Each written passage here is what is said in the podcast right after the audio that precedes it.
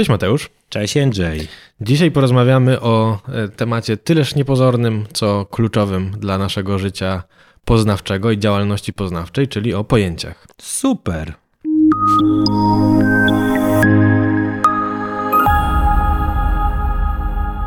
Okej, okay. jak ja się zastanawiałem nad e, tematami, e, które moglibyśmy omawiać w naszych podcastach, jak o tym dyskutowaliśmy też na różnych kawach, to ten temat pojęć się jakoś tak pojawił późno, znaczy ten pomysł, żeby porozmawiać o pojęciach. Jak ja się nad tym zastanawiałem teraz z perspektywy, przygotowując się do dzisiejszej rozmowy, to mi się przypomniała ta, to wystąpienie Davida Fostera Wallace'a, e, słynne w e, Canyon College, mhm. e, pod tytułem This is Water, to jest woda. Tak.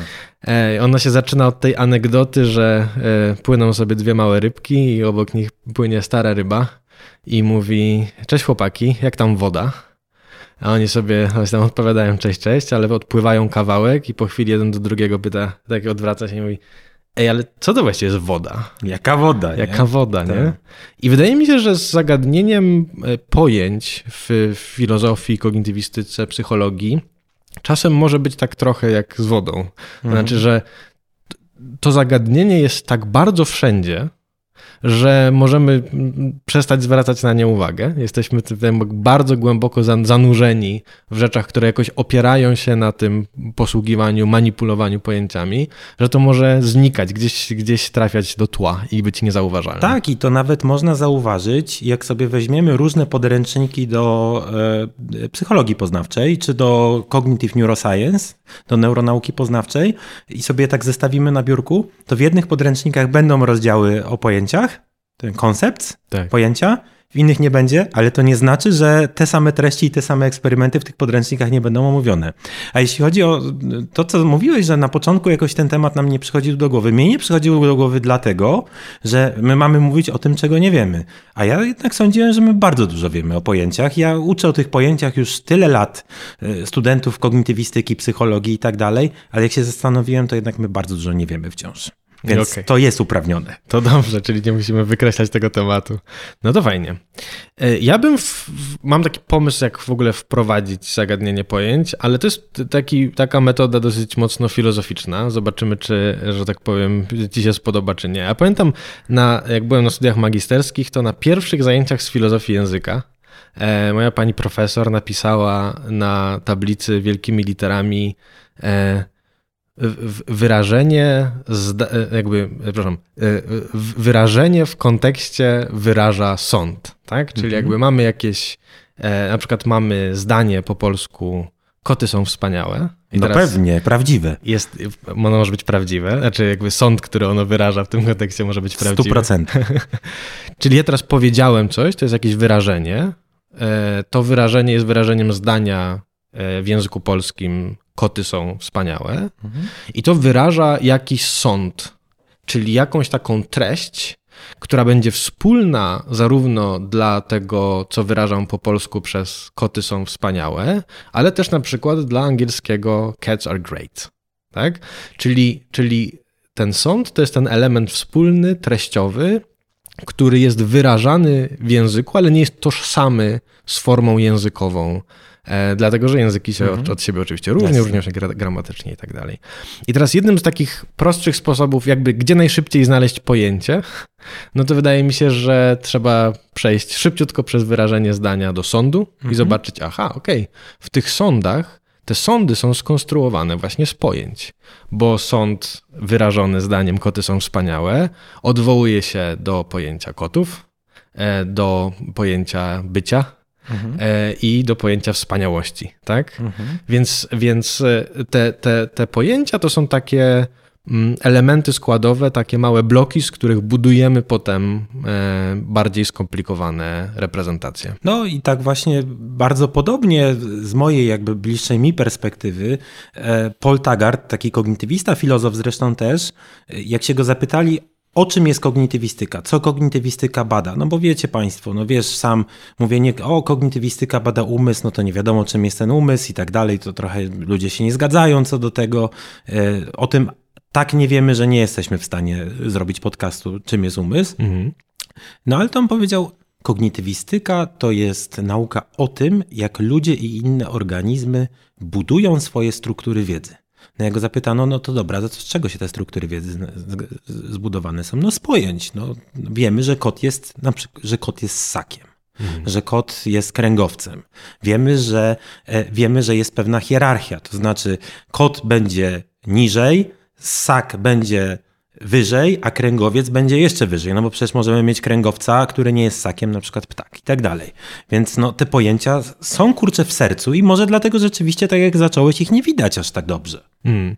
No dokładnie, te zależności między pojęciami są e, bardzo uderzające. E, to jest tak, że Mm, no, pojęcia zasadniczo też są narzędziami kategoryzacji. Będziemy o tym mówili jeszcze dużo, dużo tak. więcej później, ale, e, ale te kategoryzacje, one się jakby mogą na różnych poziomach złożoności albo szczegółowości odbywać. Tak? Ja mogę znowu kategoryzować obiekty albo e, powiedzmy obiekty znajdujące się w danym pomieszczeniu jako sprzęt kuchenny, a mogę kategoryzować na widelce i niewidelce tak? Mhm. I teraz, jeżeli będę kategoryzował na sprzęt kuchenny i niesprzęt kuchenny, to jeżeli coś oprócz widelców e, ze sprzętu kuchennego w tym pomieszczeniu jest, no to do tej kategorii po prostu siłą rzeczy Rzucić, wpadnie mi tych, tak. tych rzeczy więcej. Tak? No i one mają takie zależności, te poziomy między sobą. Jak ja bym na przykład, e, taki ładny przykład, e, jakbym byś widział na, na drucie jakiegoś, jakieś, jakiś obiekt latający, mm. jakieś zwierzę i ja bym się ciebie zapytał, E, co to jest? No ja bym oczekiwał, że, że powiesz, nie wiem, że to jest wróbel. No ale dajmy na to, że nie wiesz, że to jest wróbel, powiesz, to jest ptak, czyli powiesz coś nadrzędnego. No to będziesz miał rację. Czyli mówiąc krótko, jeśli coś jest prawdziwe o poziomie wyższym, no to możemy się spodziewać, że będzie o niższym. No więc są pewne zależności w tym wszystkim. I w ogóle z tego się jeszcze, z tej, z tej anegdoty się uczymy jeszcze dodatkowo tego, że e, istotną rolę w komunikacji będzie odgrywało coś, co nazywa się relewancją, czy tak istotnością, tak, tak? tak? Czyli jakby nie wystarczy nam do skutecznego komunikowania się mówić rzeczy prawdziwe, ale też trzeba mówić w jakiś sposób na temat, w zgodzie z oczekiwaniami, żeby, żeby to przedsięwzięcie, jakim jest komunikowanie się było. Tak, i możemy się też nauczyć, możemy się nauczyć o tym, że skoro istnieją jakieś rzeczy wyższe, niższe, e, podstawowe, w lingwistyce kognitywnej mówi się o poziomie podstawowym, nadrzędnym, podrzędnym na przykład, e, no to możemy się nauczyć tego, że kiedy dzieciaki uczą się nowych pojęć, robią to przez słowa, ale nie tylko przez doświadczenia, no to istnieją tu pewne prawidłowości, że szybciej dziecko się nauczy, to jest ptak, niż to jest wróbel. Ale też szybciej nauczy się, że to jest ptak, a nie, że to jest zwierzę. Mm. A więc są tu pewne prawidłowości. E, no, tak jakby rzeczywiście ta nasza wiedza miała jakąś strukturę i ta struktura no, nie byłaby po prostu przypadkowa e, i no, dla każdego zupełnie inna. Pewnie.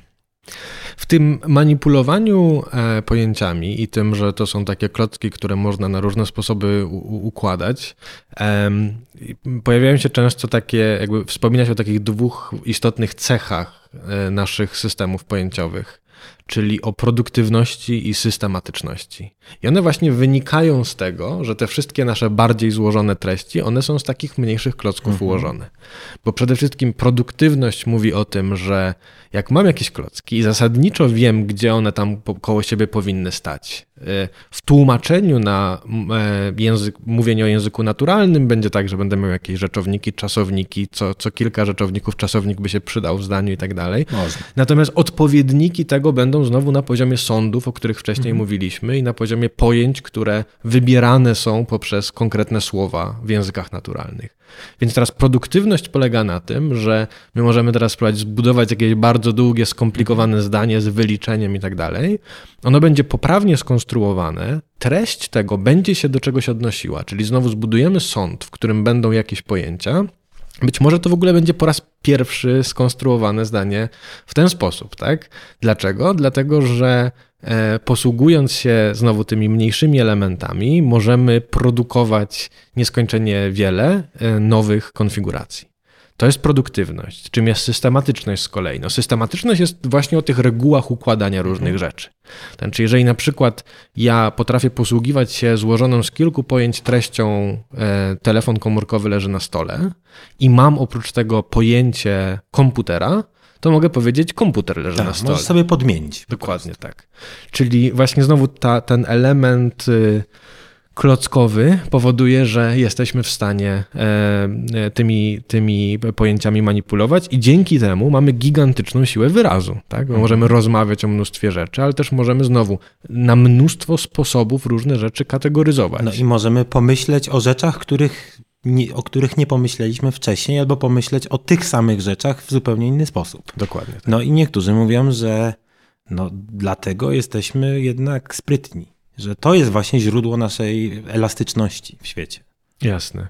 To też jest związane, mam wrażenie, z tą, z tą koncepcją tego, bo na razie mówiliśmy głównie o takiej E, no chyba kanonicznej jednak koncepcji tego, że e, pojęcia są jakimiś rodzajami reprezentacji i jakby mam wrażenie, że kognitywistyka, e, psychologia poznawcza jednak z tym pojęciem reprezentacji się, mimo że są różne ciekawe dyskusje na temat jego mhm. roli, no to jednak się ma w miarę komfortowo z nim. Jest... Ja sądzę, że tak i sądzę, że, że jednak ci, którzy są powiedzmy anty są jednak w mniejszości, ale to, to na inny może Tak, oczywiście. Czas. Natomiast no, na przykład będą takie osoby, które będą twierdziły, że pojęcia to nie są jakieś rzeczy, jakieś mhm. reprezentacje, e, tylko na przykład to są umiejętności że posiadać pojęcie kota to mhm. jest odróżnić, umieć pokazać tu kot, a tu nie kot.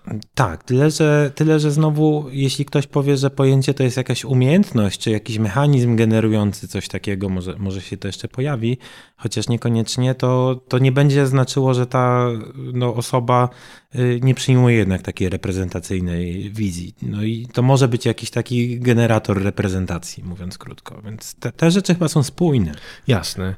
E, inne, takie, inno, inne podejście Pewnie też gdzieś jakoś spójne, ale jednak wyliczane w takich mhm. przeglądach klasycznych jako trochę inne, no to jest mówienie, że. Bo jakby mówiliśmy, komputer leży na stole, i teraz koncepcja jest taka, że e, pojęcie komputera wybiera przedmiot w świecie, którym jest komputer. Natomiast będą tacy, którzy w duchu niemieckiego filozofa, jednego z ojców filozofii mhm. analitycznej, e, Fregego, będą mówili, że tak kluczowe z punktu widzenia naszej działalności poznawczej nawet nie tyle jest wybieranie konkretnych obiektów w świecie przez nasz system pojęciowy, ale tak zwane sposoby prezentacji. On, on mhm. nazywał je sensami.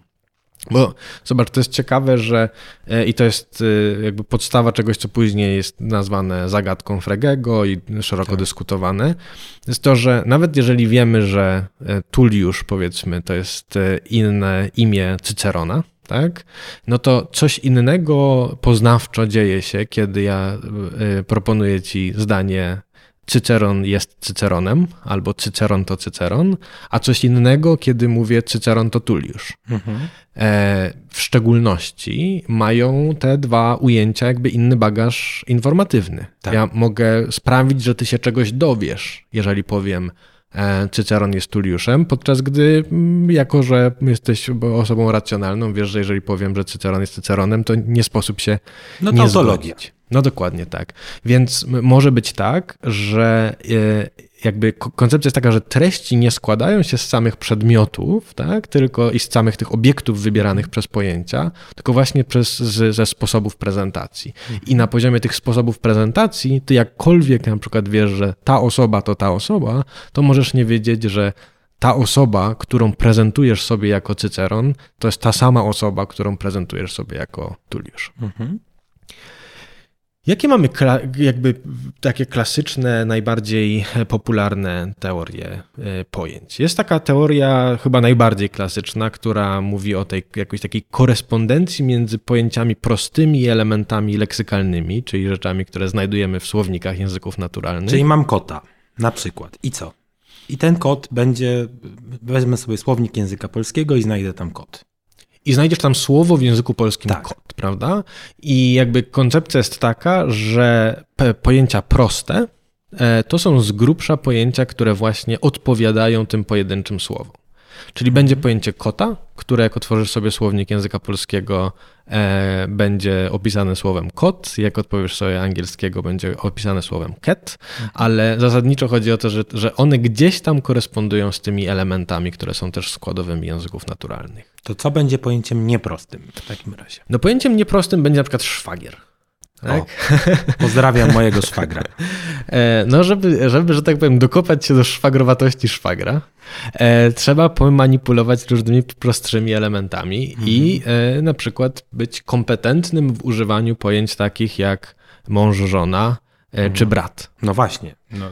Tak, no bo szwagier to będzie, to będzie ktokolwiek podpada pod takie kategorie, które, i uwaga, teraz będziemy je klecić właśnie z tych pojęć prostych. Kto jest bratem, czyli jest, jakby wybieramy jakieś pojęcie, już jakoś zaczynamy to doprecyzowywać, mojego męża albo mojej żony. Albo może być jeszcze gorzej, mogą być takie reprezentacje pojęciowe, które są w ogóle hipotetyczne, to znaczy odnoszą się nie do szwagra, który istnieje, tylko, no dobra, mamy tego kota, no to jak się nazywa kot, który lata? Istnieje coś takiego? No to dobra, no to weźmy Pegas. No Mamy weź... konia, który, e, konia, który lata. No, tak. to, no to muszę znać co najmniej dwa pojęcia i muszę umieć je, i muszę je umieć skombinować w tak. jakiś sposób. No a co dopiero z takimi rzeczami, które y, nie, nie, jakby od sukcesu w ich uchwyceniu nie zależy tylko to, czy napisaliśmy dobrą lub niedobrą narrację fantastyczną, mm. ale na przykład próbujemy sobie organizować życie społeczne w jakiś sposób. Co, Takie, demokracja? Demokracja, sprawiedliwość i tak Ojej. dalej. Nie? Jakby E, to z tym, z tym właśnie, z takimi operacjami na złożonych pojęciach, w jakichś kategoriach może prostszych pojęć, jest związane to zagadnienie tak zwanej analizy pojęciowej, która e, odgrywa cały czas, odgrywała kiedyś bardzo istotną rolę Myślisz w działalności filozoficznej. obecnym królu Francji, który jest łysy? Nie, myślę, myślę choć, choćby o tym, ale myślę o jakby nawet o takich prostszych rzeczach, jakby pytaniu, co, co my tak naprawdę robimy w działalności filozoficznej, kiedy zastanawiamy się nad takimi zagadnieniami. Na przykład zagadnienie wiedzy, to jest taki chyba najprostszy przykład, na mhm. którym można to wyjaśnić. Tak? Bardzo długo w filozofii wiedza była rozumiana a to była rozumiana, to znaczy, że była analizowana jako wypadkowa y, prostszych rzeczy w taki sposób, że mówiło się, że wiedza to jest prawdziwe, uzasadnione przekonanie. Justify true belief. Dokładnie tak. Każdy, kto miał epistemologię 101 jest w stanie to w środku nocy obudzony e, wyrecytować. I teraz Długo sądzono, że wystarczą pojęcia prawdziwości, przekonania i uzasadnienia, mhm. że jak je sklecimy, to właśnie tak. to jest to, to, z czego powstaje wiedza. Od czasów kontrargumentów Gettiera w epistemologii, o których Niestety nie będziemy się teraz rozgadywać, ale są bardzo ciekawe. Prosimy sobie zgooglować osoby zainteresowane. Wiemy, że prawdopodobnie tam do, tego, do, tej, do tej trójki trzeba coś dorzucić. Natomiast to jest właśnie przykład do, do tej trójki e, prawdziwego, uzasadnionego przekonania. To może jest... zrobimy kiedyś odcinek o wiedzy. Proszę pisać w komentarzach, czy są Państwo zainteresowani odcinkiem o wiedzy. Myślę, że myślę, że to byłoby interesujące. Natomiast to jest tylko, chciałem to podać jako przykład takiego, takiej działalności, jakby że tak powiem, mniej ludzi spędza swoje dni zastanawiając się nad tym, kim jest szwagier, tak. niż nad tym, e, czym jest wiedza, ale jak zobaczymy jakby tak. tą działalność w kontekście jakiejś analizy czegoś złożonego na prostsze elementy, to zobaczymy, że są istotne podobieństwa. Teoria prototypów. Och, mam opowiadać? Powiesz coś o tym? No, no pewnie. No, była taka pani, profesor lingwistyki, psychologii, Eleanor Roche, która e, zaczęła dyskutować, e, dyskutować empirycznie z taką arystotelesowską wizją, zgodnie z którą, e, żeby coś było czymś, to musi mieć jakiś zestaw cech. No, oczywiście tutaj Arystoteles zakładał, że my mamy jakiś tam wgląd ten zestaw i ten zestaw no, przyjęło się w kulturze naszej nazywać istotą rzeczy. Tak? No i czym jest kot? No, kot to jest, to jest, to jest, weźmy sobie taką definicję, e, zwierzę z czterema łapami, miałkające i z ogonem. Albo weźmy sobie taką definicję w filozofii znaną, człowiek to zwierzę, e, zwierzę inteligentne bez pióry. Nie? Mhm. No, oczywiście można łatwo polemizować z tymi definicjami. No ale e, Roż sobie zdała sprawę, że przecież nie ma czegoś takiego jak dojście do, do istoty rzeczy. Ta lista cech może się, ta lista cech może się zmieniać i mało. Jeszcze jedna rzecz, na którą zwraca uwagę Arystoteles, wydaje się być dla zwykłych ludzi z krwi i kości no, pogwałcona. Mianowicie E, Arystoteles twierdził, że granice między kategoriami są ostre. To znaczy, coś albo jest ptakiem, albo nie jest ptakiem. Tak. I jeśli coś albo jest ptakiem, albo nie jest, to nie może być coś bardziej ptakiem, albo mniej ptakiem. Nie? To jest ostrość. Mhm. No ale weźmy sobie, weźmy sobie tak, no, że ptak to jest jakieś tam zwierzę, które ma piórka i lata. Mhm. No, wydaje się być to całkiem dobrą definicją. Ja bym jej Do, bronił. Dopóki po, nie uświadomimy sobie. No, póki nie uświadomimy sobie, że wow, struś, wow, kurczak. I w ogóle to tych wyjątków od tej reguły będzie po prostu bardzo, bardzo dużo, nie? Jasne. No i e, Roche zaczęła konstruować taką koncepcję, to się nazywa czasem modelem radialnym, ale to już mniejsza tam o szczegóły, zgodnie z którym wcale nie jest tak, że my wytyczamy sobie, że pojęcia to są takie pojemniki, w których e, wszystkie egzemplarze mają jednakowy status. Tak. Coś może być bardziej prototypowe, tak. coś może być mniej prototypowe. Mhm. I tak na przykład bocian e, jest ptakiem, e, kurczak jest ptakiem, albo nie, struś jest ptakiem, ale bocian jest ptakiem bardziej prototypowym czyli bardziej ptakowatym, jeśli tak chcemy, mm. no, niż ten właśnie nasz y, fajny nielot. Nie? Tak. No i ta koncepcja zrobiła dużą e, furorę. Oczywiście ta furora, e, no, nie wszystko należy przypisywać Roż, dlatego że ona bardzo mocno się inspirowała dociekaniami filozoficznymi Wittgensteina, jego koncepcją podobieństw rodzinnych, tutaj też by można dużo mówić. Mm. Natomiast, co jest najważniejsze, ona zaczęła robić eksperymenty, E, i to eksperymenty, w których, na podstawie których można było coś powiedzieć na temat tego, jak ludzie kategoryzują. I te eksperymenty są bardzo proste zazwyczaj. E, zdecyduj, czy coś jest słowem. To jest tak zwany, to jest tak zwany test decyzji leksykalnej. Tak. No i co? I okaże się, że szybsze czasy reakcji będziemy mieć w przypadku, e, w przypadku bodźka niż w przypadku strusia. Więc jest to bardziej prototypowe. Okazuje się, że dzieciaki szybciej uczą się, łatwiej jest im nauczyć się tych, y, tej przynależności kategorialnej, która jest właśnie no, bardziej prototypowa, tak. czyli szybciej się zakapują, że... Jak narzędzie to młotek, tak, jak owoc tak, to jabłko, tak. a nie... No, ale potem się wszystko mhm. zaczęło komplikować, bo pytanie było takie, bo już nie chcę tego wszystkiego rozwlekać, ale kiedyś w filozofii mnie uczono, już o tym zapomniałem sto razy, że jest coś takiego jak spóra uniwersalia. Mhm. No i tak, no i był taki esencjalizm Arystotelesa. Ross mówi nie, to do widzenia. Ale pytanie jest takie, czy przez przypadek te prototypy, no to nie jest jakiś taki przykład konceptualizmu, ale że wszyscy mają takie same prototypy. Hmm. No zaczęło się okazywać, że jednak nie, że te prototypy są zróżnicowane kulturowo i tak na przykład dla Anglika, jak badania pokazują, herbata będzie bardziej prototypowym napojem niż kawa, a dla Amerykanina kawa taka ze Starbucksa będzie bardziej prototypowa niż herbata. No ale potem jeszcze wszystko się zaczęło roz, ro, jakby rozjeżdżać pod wpływem tego, jak tak zwane ucieleśnione poznanie się tam rozrastało, hmm. że być może każdy z nas ma swoje prototypy, ale one nie są stałe. Tak. Tylko, że generuje prototypy ad hoc w zależności od zadania.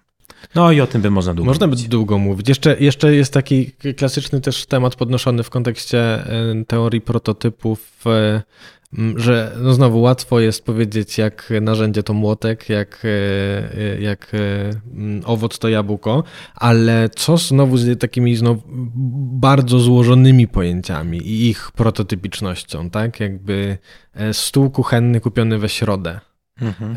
czy, czy, czy jest, jakieś mhm. takie, jest jakaś taka, taka cecha, jakiś zbiór cech w miarę centralnych dla mhm. wszystkich stołów kuchennych kupionych duży we środę? Bardzo nie? duży to problem.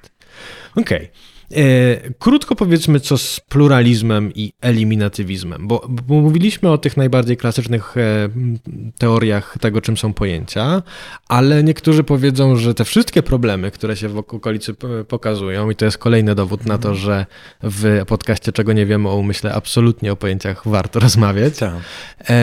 mogą, może, może, mogą być jakby dwie tezy. Albo pluralistyczna, czyli e, zobaczcie, Niedoskonałości różnych teorii pokazują, że dla omawiania różnych chociażby typów działalności poznawczej będziemy potrzebowali różnie scharakteryzowanych pojęć. Czyli nie będziemy wiedzieć, czym jest pojęcie jako jedna rzecz. Znowu, nie będziemy mieli jakby pojęcia, pojęcia, mhm. do którego, te, do którego tak. wszystkie, wszystkie rzeczy, które jesteśmy skorzy tak. nazywać pojęciami, albo wszystkie rzeczy, tak. które od, odgrywają rolę pojęć, będą wpadały. No i jest też eliminatywizm no i co z tym eliminatywizmem? No chyba można by było powiedzieć, e, że to jest jakiś, jakaś wariacja tej samej strategii, e, co ta strategia pluralistyczna, bo to też jest powiedzenie, że pojęcie pojęcia, kategoria pojęcia jest niewystarczająco zunifikowana, żeby mogła pełnić rolę chociażby w naszym wyjaśnianiu różnych. O właśnie, to, to trochę potwierdzasz moje intuicje, które mi się wydawały moim jakimś nieuctwem, że między pluralizmem, że jest wiele i eliminacjonizmem nie jest aż tak duża przepaść. Mam wrażenie, że nie, nie mhm. aż tak duża przepaść. Oczywiście możemy się mylić na ten temat, jeżeli Państwo na przykład e, e, są fanami Edwarda Machery, bardzo wpływowego filozofa nauki, który jest eliminatywistą, jeżeli chodzi o pojęcia i e, znają Państwo niuanse jego podejścia, które rzeczywiście pokazuje, że to jest coś zupełnie innego niż e, pluralizm, to jesteśmy e, ciekawi.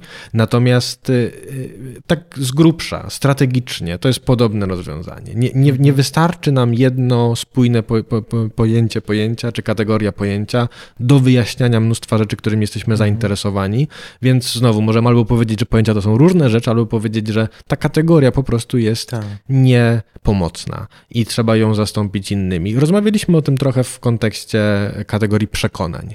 Tak? Znowu mhm. psychologicznie można powiedzieć, że, że to jest zbyt ogólna kategoria, że nie, jakby mówienie o tym, że ktoś posiada przekonanie, może znaczyć tak mnóstwo różnych rzeczy, że jak na, na takim bardziej szczegółowym poziomie próbujemy opisać naszą działalność, to trzeba e, pojęcie przekonania wyeliminować i poszukać czegoś bardziej przydatnego.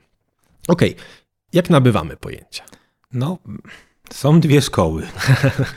Albo nie nabywamy pojęć, przynajmniej takich elementarnych, albo, no bo mamy je wrodzone. Tak. No albo wszystkiego musimy się nauczyć od zera, czyli albo jesteśmy empirystami, albo jesteśmy natywistami, albo tabula rasa, albo wszystko już w nas jest. Tak. No i ten natywizm, czyli to, to właśnie ta, ta koncepcja wrodzoności pojęć, ona mam wrażenie, że zwykle gdzieś tam prędzej czy później, znowu jeżeli patrzymy na strukturę argumentu, który, który popiera to podejście, to jest prędzej czy później coś w rodzaju, no nie udało nam się wytłumaczyć, jak mhm. byśmy mieli te pojęcia nabywać, więc załóżmy, że je po prostu mamy wrodzone. Znaczy, to jest wyraz pewnego rodzaju bezradności. To oczywiście nie znaczy, że, że, że to jest gorsza teoria, ale to jest jakby mhm. teoria gdzieś tam oparta na stwierdzeniu, no empiryście nie pokazaliście nam, jak to jest możliwe na przykład, że dziecko potrafi błyskawicznie w ciągu kilku lat e, nie dość, że dostać strukturę e, choćby gramatyczną, na której będzie potem osadzony język naturalny, który, którym to dziecko rozmawia i właściwie za każdego dnia nabywać masę pojęć, na przykład jakichś takich e, pojedynczych tak, e, powtórzeniach. Raz zobaczy bałwanka i od razu ma pojęcie bałwanka. A więc platońska anamneza musi być prawdą. Albo coś musi albo to musi być w ogóle przyniesione z poprzedniego wcielenia, albo to musi być e, w jakimś tam stopniu Zapisane wrodzone. Tak. No to, mhm. jest to, to jest to, co się czasem o, o, określa mianem ubóstwa bodźca. Tak, tak jakby jest. za mało jest tych bodźców, za mało jest tych e, e, informacji, które dostajemy ze świata, żeby tak błyskawicznie. No, na dodatek, jeśli chodzi o to ubóstwo bodźców, zauważmy, że rzadko kiedy e, rodzice mówią do małych dzieci takimi super poprawnymi e, zdaniami, po prostu jakby pisali wypracowanie na, na języku polskim. No, język codzienny e, no, nie jest często porządny gramatycznie, mówiąc krótko, a dzieciaki jakoś jednak porządnie gramatyczne struktury e, są w stanie opanować. Dokładnie. No i też e, to, to jakby jest e, związane z e, myślą Jerego Fodora, taka koncepcja, że no znowu mamy te skomplikowane, złożone pojęcia i dosyć łatwo sobie odpowiedzieć na pytanie, jaka w, jaka w ogóle jest procedura ich uczenia się. To znaczy, jeżeli ja bym chciał cię, powiedzmy, że nie posługujesz się pojęciem szwagra, ja chcę cię nauczyć tego mhm. pojęcia, no to biorę męża, żonę jako pojęcie i biorę brata i, i ci mówię, no to popatrz, robisz tak, tak. że to jest brat męża tak, żony. Tak. Natomiast co z tymi po podstawowymi pojęciami? Fodor traktował to, y, zmieniał swoje poglądy na ten temat, nie musimy wchodzić w niuanse, ale jakby rzucił takie, taką wątpliwość na jakimś etapie, że jednak uczenie się pojęć, tak jak uczenie się w ogóle, to zwykle powinno być związane z jakimś porównywaniem czegoś z czymś. Mhm.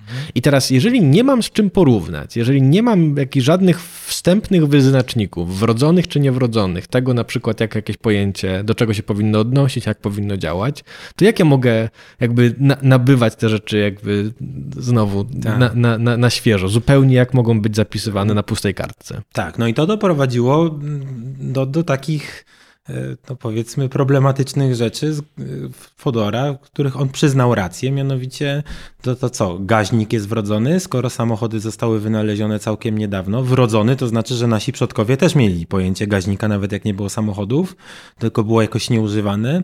No Fodor mówił, no jest to kłopotliwe, ale tak, to wynika z mojej teorii.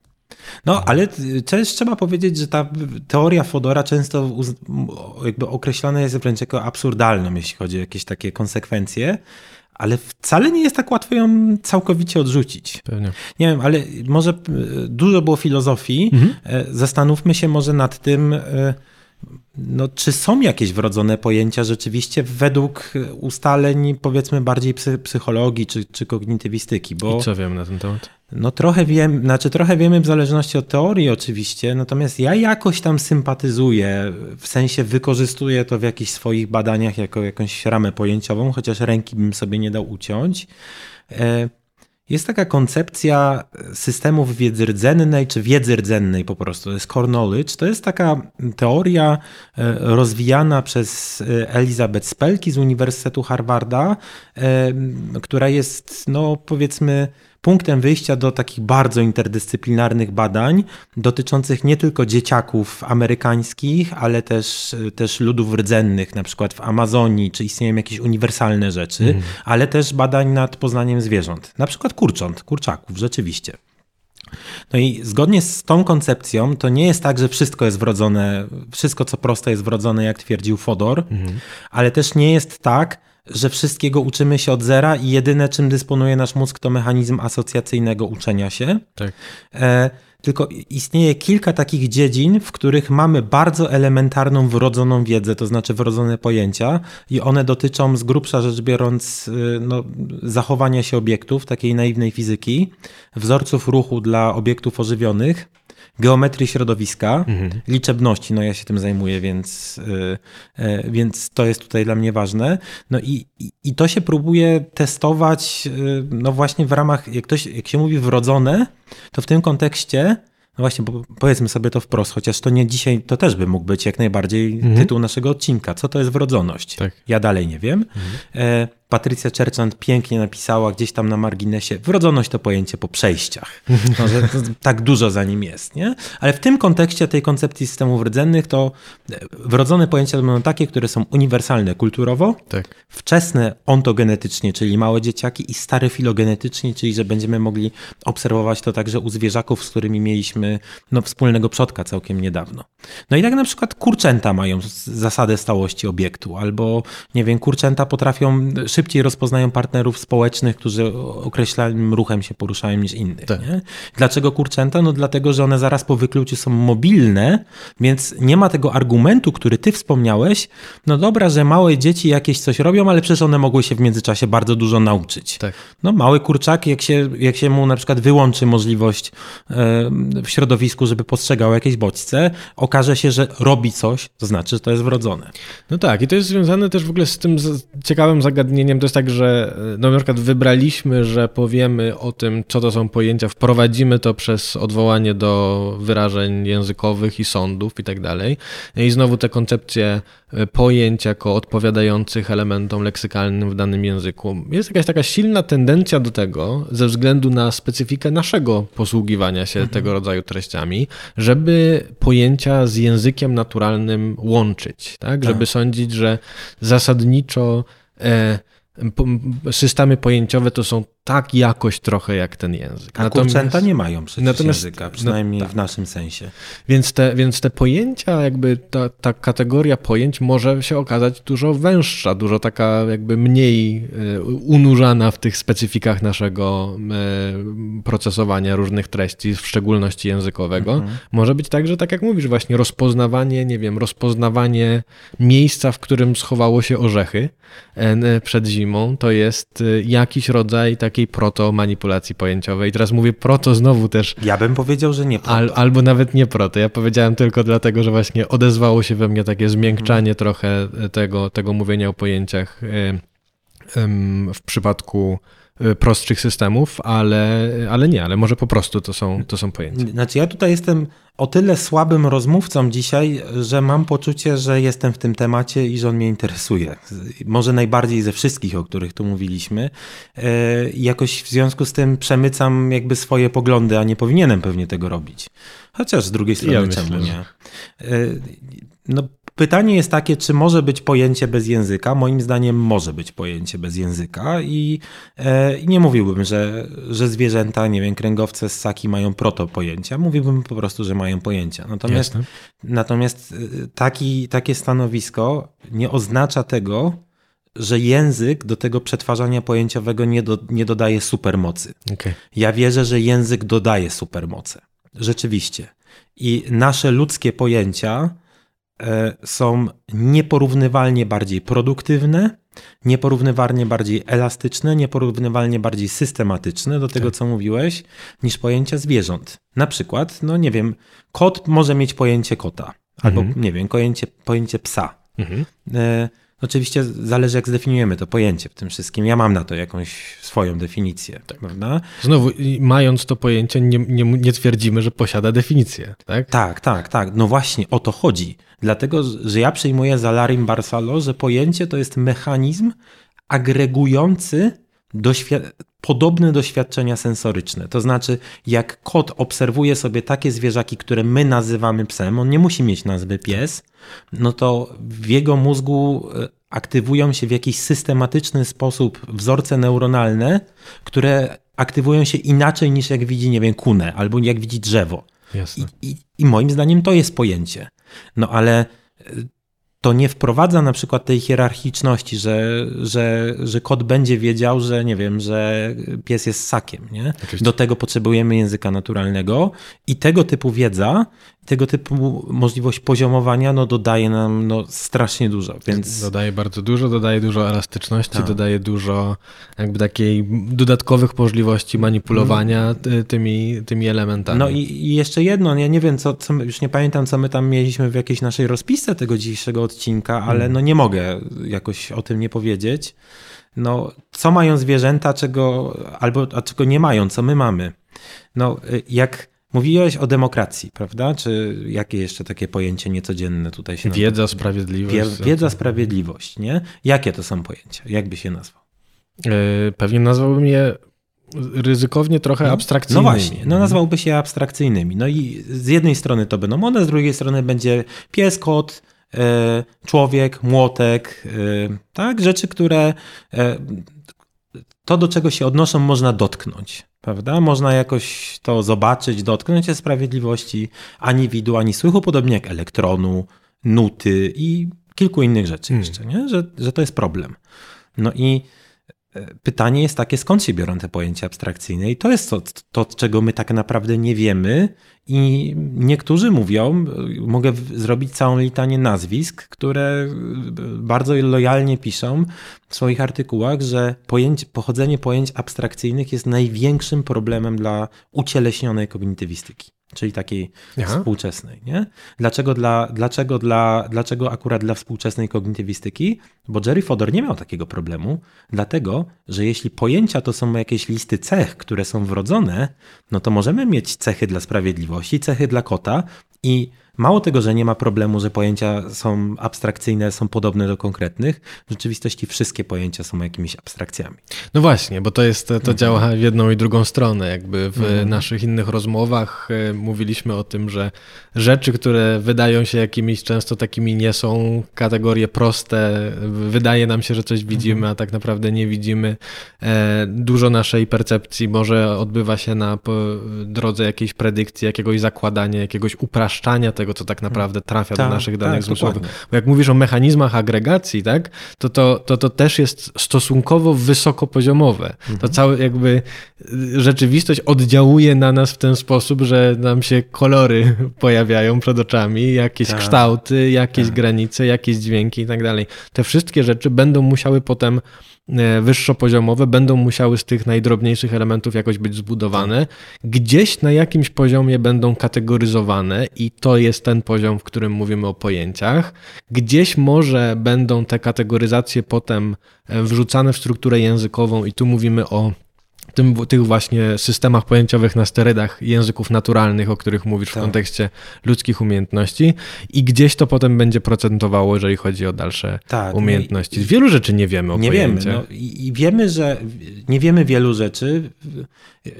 To, co wiemy, wydaje się, przynajmniej ja bym się to zgodził z takimi badaczami, wiem, Anna Borgi, Ferdynand Binkowski, Larry Barsalo i, wielu innych, no, że jeśli chodzi o tą abstrakcję, zdolność do tworzenia abstrakcyjnych właśnie systemów, e, matematyki, etyki, wiedzy o społeczeństwie z grubsza rzecz biorąc, e, to bez języka by tego nie było. Ale jak to działa, jakie, jest, jakie są konkretne mechanizmy, to tego naprawdę nie wiemy. Jak naprawdę nie wiemy, to znaczy, że to jest ten moment, w którym myślę, że możemy e, dzisiejsze, dzisiejszy odcinek zamknąć. Zapraszamy do słuchania kolejnych i kolejnych pytań i kolejnych pytań z, bez odpowiedzi, ale z jakimiś tam naszymi zgadwankami. Pozdrawiamy. Pozdrawiamy.